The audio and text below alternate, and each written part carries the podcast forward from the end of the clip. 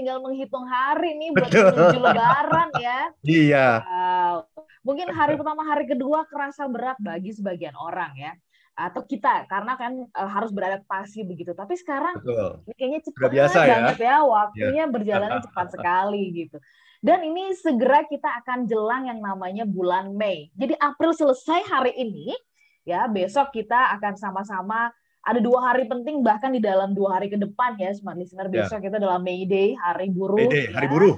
terus kemudian juga di hari Minggu pas hari pendidikan ya jatuhnya di hari Minggu pula gitu ya mungkin ini perlu eh, menjadi perenungan kita bersama-sama ya smart listener karena kalau sudah mendekati Hari Pendidikan Nasional, ya berpikirnya kan ini adalah eh, berkaitan dengan sekolah ya. Jadi eh, kami mengajak Anda pagi hari ini untuk kita sama-sama rethinking school. Sebenarnya sekolah itu masih penting nggak sih? Coba Anda jawab versi Anda ya. Ya. Bebas, sebebas-bebasnya kita kasih kesempatan untuk kita punya ruang bersama-sama kasih pendapat. Sebenarnya sekolah itu masih penting nggak sih gitu? Terus kemudian tujuan sekolah tuh apa? Apa bedanya pendidikan dan sekolah ya? Ya. Karena hari-hari ini kita melihat kok kalau kita melihat ta- teman-teman kita yang punya anak-anak begitu atau barangkali Anda menyaksikan putra-putri Anda bersekolah kok kayaknya jadi beban banget ya. Setiap Mhm. pagi kalau eh, berurusan dengan sekolah itu kayak perang ya antara orang tua sama anak ya. Dari mulai bangunin, ngingetin mereka bikin PR dan sebagainya. Sementara eh, di masa-masa saya dulu masih sekolah itu itu sekolah itu menggembirakan banget gitu. Saya ingat sekali ya kalau eh, saat eh, sakit gitu pada saat sekolah saya nggak mau dipaksa untuk istirahat. Saya maunya tetap sekolah.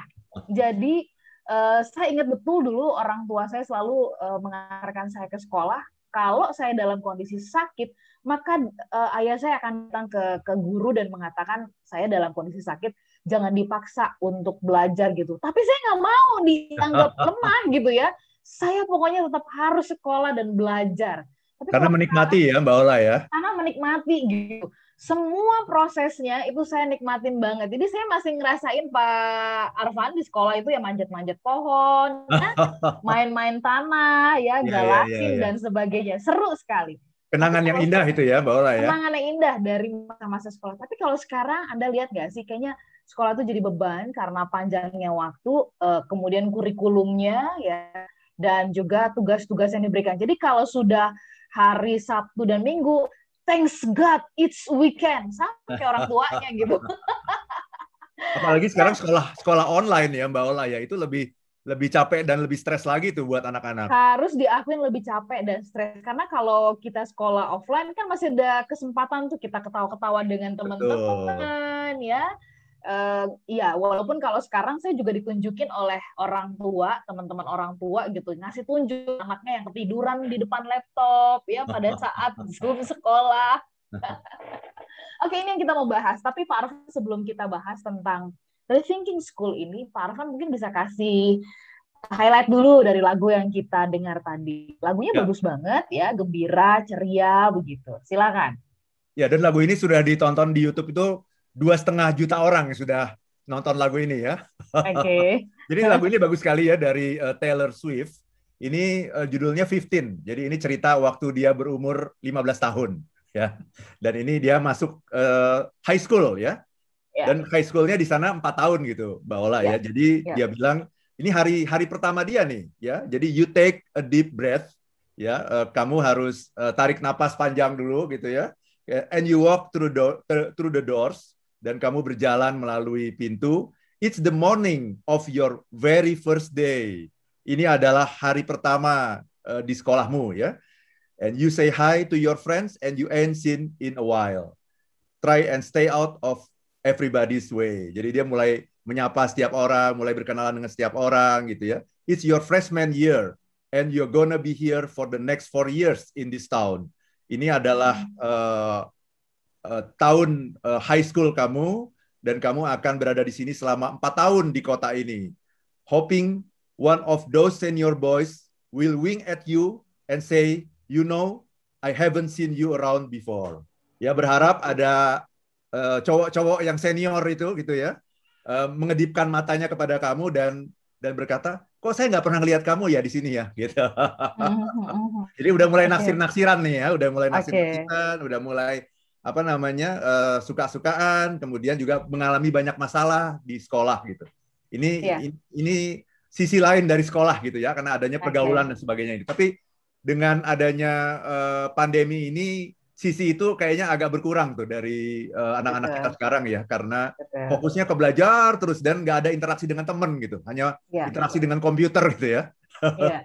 pasti ya. lebih challenging lagi mbak Ola ya ya lebih challenging dan uh, ya saya menyaksikan juga ya ada sahabat-sahabat saya yang putra putrinya itu uh, mengeluhkan bosen katanya ya sekolah dengan ya. pola uh, online sekarang, seperti ya. sekarang ya gitu bosan, tidak menarik ya. gitu ya. Bahkan kemudian yang akhirnya sekolah ya orang tuanya gitu. Betul, betul ya.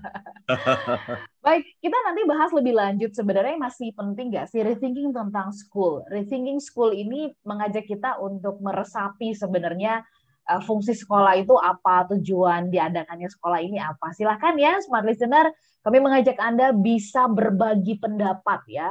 Menurut Anda sekolah itu masih uh, diperlukan nggak sih di hari-hari ini atau saat inilah gitu. Uh, kalau menurut Anda masih perlu, kenapa? Dan kalau Anda punya pandangan yang lain, kayaknya nggak perlu lagi deh, gitu ya. Karena uh, anak-anak udah bisa menimba ilmu dari uh, mungkin sekolah YouTube gitu ya, atau ya. sekolah Google, gitu Google, ya. atau Institut Wikipedia. Nah, silakan Anda bisa kasih pendapat. Kami jeda sesaat ya, tetap bersama dengan kami. dan juga sahabat yang bergabung di kesempatan pagi hari ini Rethinking school ya, rethinking school dalam program Smart Happiness menjadi topik yang sedang kita bahas. Saya akan berikan ada dua buah buku koleksi dari Smart FM ya. Ini bukunya pas banget untuk Anda berikan kepada putra-putri Anda ya. Dan terutama ini untuk usia 5 eh, sampai dengan 12 tahun. Bukunya menarik berkaitan dengan mental ya yang bisa dibaca dikonsumsi oleh anak-anak dan seri pahlawan nasional yang bisa Anda berikan bagi putra-putri Anda. Keren banget bukunya.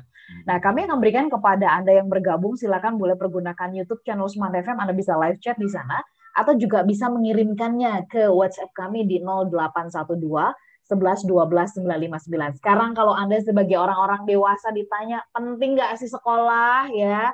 Karena sudah banyak eh, anak-anak yang kalau ditanya gitu pasti cita-citanya sekarang wah pengen jadi youtuber aja cepet kaya gitu ya uh, terus kemudian uh, jadi uh, apa tiktoker nah itu ya yang punya konten di tiktok aja yeah, itu udah yeah. langsung bisa dapat uang karena mungkin banyak banget anak-anak mendengar kenapa sekolah supaya pinter bisa dapat uang banyak nah akhirnya banyak yang bilang tuh YouTube aja deh jadi YouTuber deh gitu. Hmm. Apa pendapat Anda ya? Boleh dikirim sekali lagi ke 0812 11 12 959. Pak kita mulai ngobrolnya gitu ya.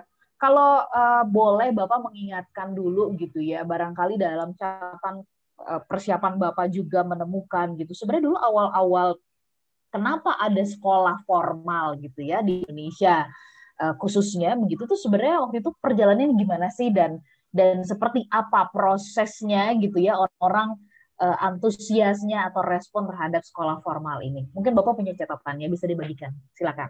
Ya, terima kasih Mbak Ola ya. Kalau di Indonesia kan dimulai dari uh, Ki Hajar Dewantoro ya. Jadi ya. Uh, juga Muhammadiyah juga itu banyak sekali uh, membuat sekolah-sekolah dulu ya. Jadi tujuan sekolah itu sesungguhnya adalah untuk uh, membuat kita itu mengembangkan potensi diri kita sepenuhnya gitu.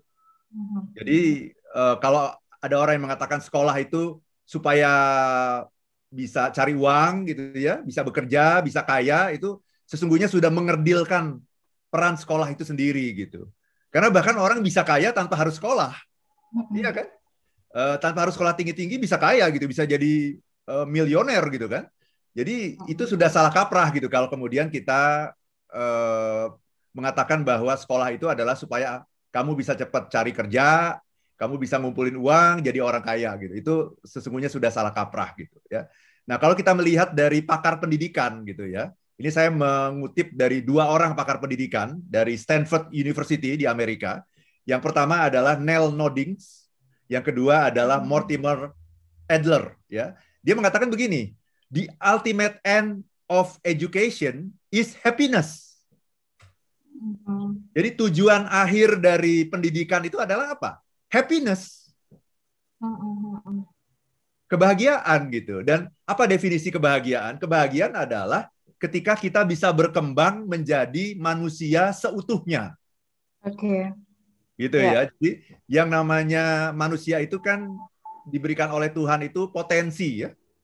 Dan saya kira kita juga sudah beberapa kali membahas dalam smart happiness ini yeah. bahwa Tuhan itu ketika menciptakan produk itu belum produk jadi gitu.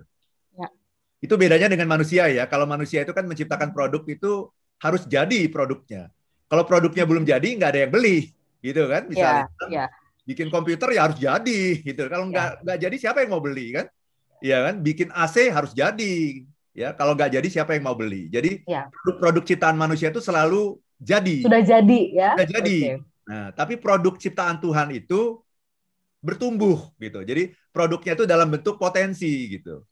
Dan hmm. potensi ini kemudian nanti diserahkan kepada manusia. Jadi ini ada serah terima uh, kekuasaan dari Tuhan kepada manusia untuk mengembangkan produk ini sampai ini menjadi produk jadi. Hmm, nah, itulah yang namanya proses uh, kelahiran ya. Ketika seorang ibu melahirkan anak, sesungguhnya itu sudah terjadi proses serah terima. Serah terima ya, oke. Okay. Kepada si ibu. Ya. Jadi Tuhan mengatakan, aku sudah selesai nih ya ini sudah aku ciptakan potensinya ini potensi untuk bertumbuh yang sangat ya. dahsyat gitu. Bukan Anak, hanya ibu kali ya, ayah dan ibu begitu ya, Pak ya, ayah dan ya. ibu. Ya. Tapi kan res, resminya kan ibu ya, resminya ya. Nanti yang ibu kan protes. Kan ibu. Nanti yang ibu protes kan bukan saya sendiri doang ya, nih ya. yang berperan gitu. Iya iya, tapi serah terimanya itu secara resmi kan ke ibu ya, karena ibu yang melahirkan kita ke dunia. Jadi ya, ya. Tuhan mengatakan ya ini uh, aku serahkan, aku titipkan kepadamu ini produk gitu ya, anak yang sangat indah sebetulnya. Ya, indahnya itu di mana? Dari dari dalam dirinya itu ada ada talent, ada bakat yang dia miliki, ada passion yang dia miliki gitu ya. ya. Uh, itu yang harus kamu kembangkan gitu. Karena sekarang ini ini belum dalam bentuk jadi. Nah, kan hmm. tujuan kita dikirim Tuhan ke dunia ini kan untuk menjadi manusia seutuhnya, untuk menjadi okay. manusia yang bermanfaat. Nah, ya. waktu kita lahir itu kita belum memberikan manfaat tuh gitu ya. ya. Jadi tugas orang tua lah yang kemudian menumbuhkan kita. Nah, kemudian seiring dengan berjalannya waktu, ya. kemudian orang tua melakukan serah terima lagi. Serah oh. terima dari orang tua kepada guru di sekolah gitu ya untuk oh, kemudian mendidik anak ini dengan kurikulum yang formal begitu. Nah, tujuannya oh. apa? Tujuannya adalah itu tadi, happiness. Apa itu happiness? Mengembangkan diri seutuhnya, menjadi manusia yang seluas-luasnya, setinggi-tingginya, sehebat-hebatnya, semulia bermanfaat ya. Menjadi insan kamil. Ya. Nah, kalau dalam happiness, kalau saya meminjam uh, istilah seorang pakar happiness, ya namanya Martin Seligman atau kalau saya biasa panggil Marty gitu ya. Martin Seligman mengatakan flourish. Apa itu flourish? Itu tadi berkembang gitu. Jadi Kembang, seperti ya. sebuah atom kalau diledakkan atom itu dia akan berkembang ke segala penjuru kan?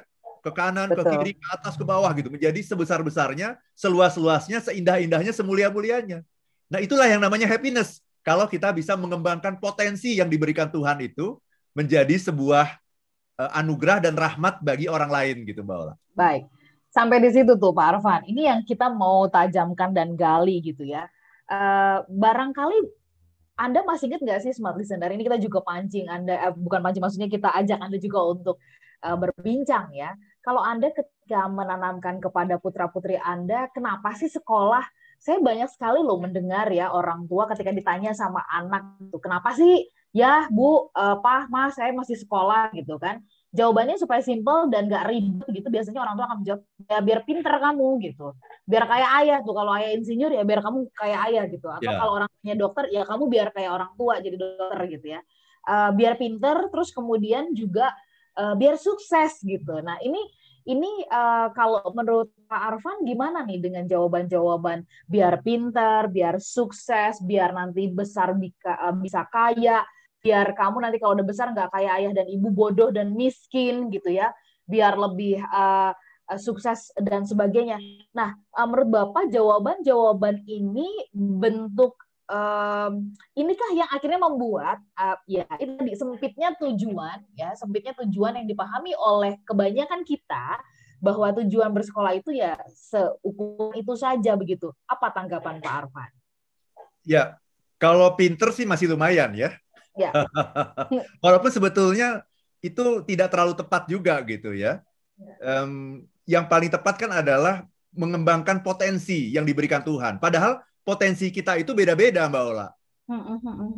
Iya kan? Jadi uh, Albert Einstein itu pernah mengatakan begini, ya kalau kita uh, apa mengajarkan uh, berenang gitu, ya, itu maka yang paling pinter itu adalah uh, ikan gitu.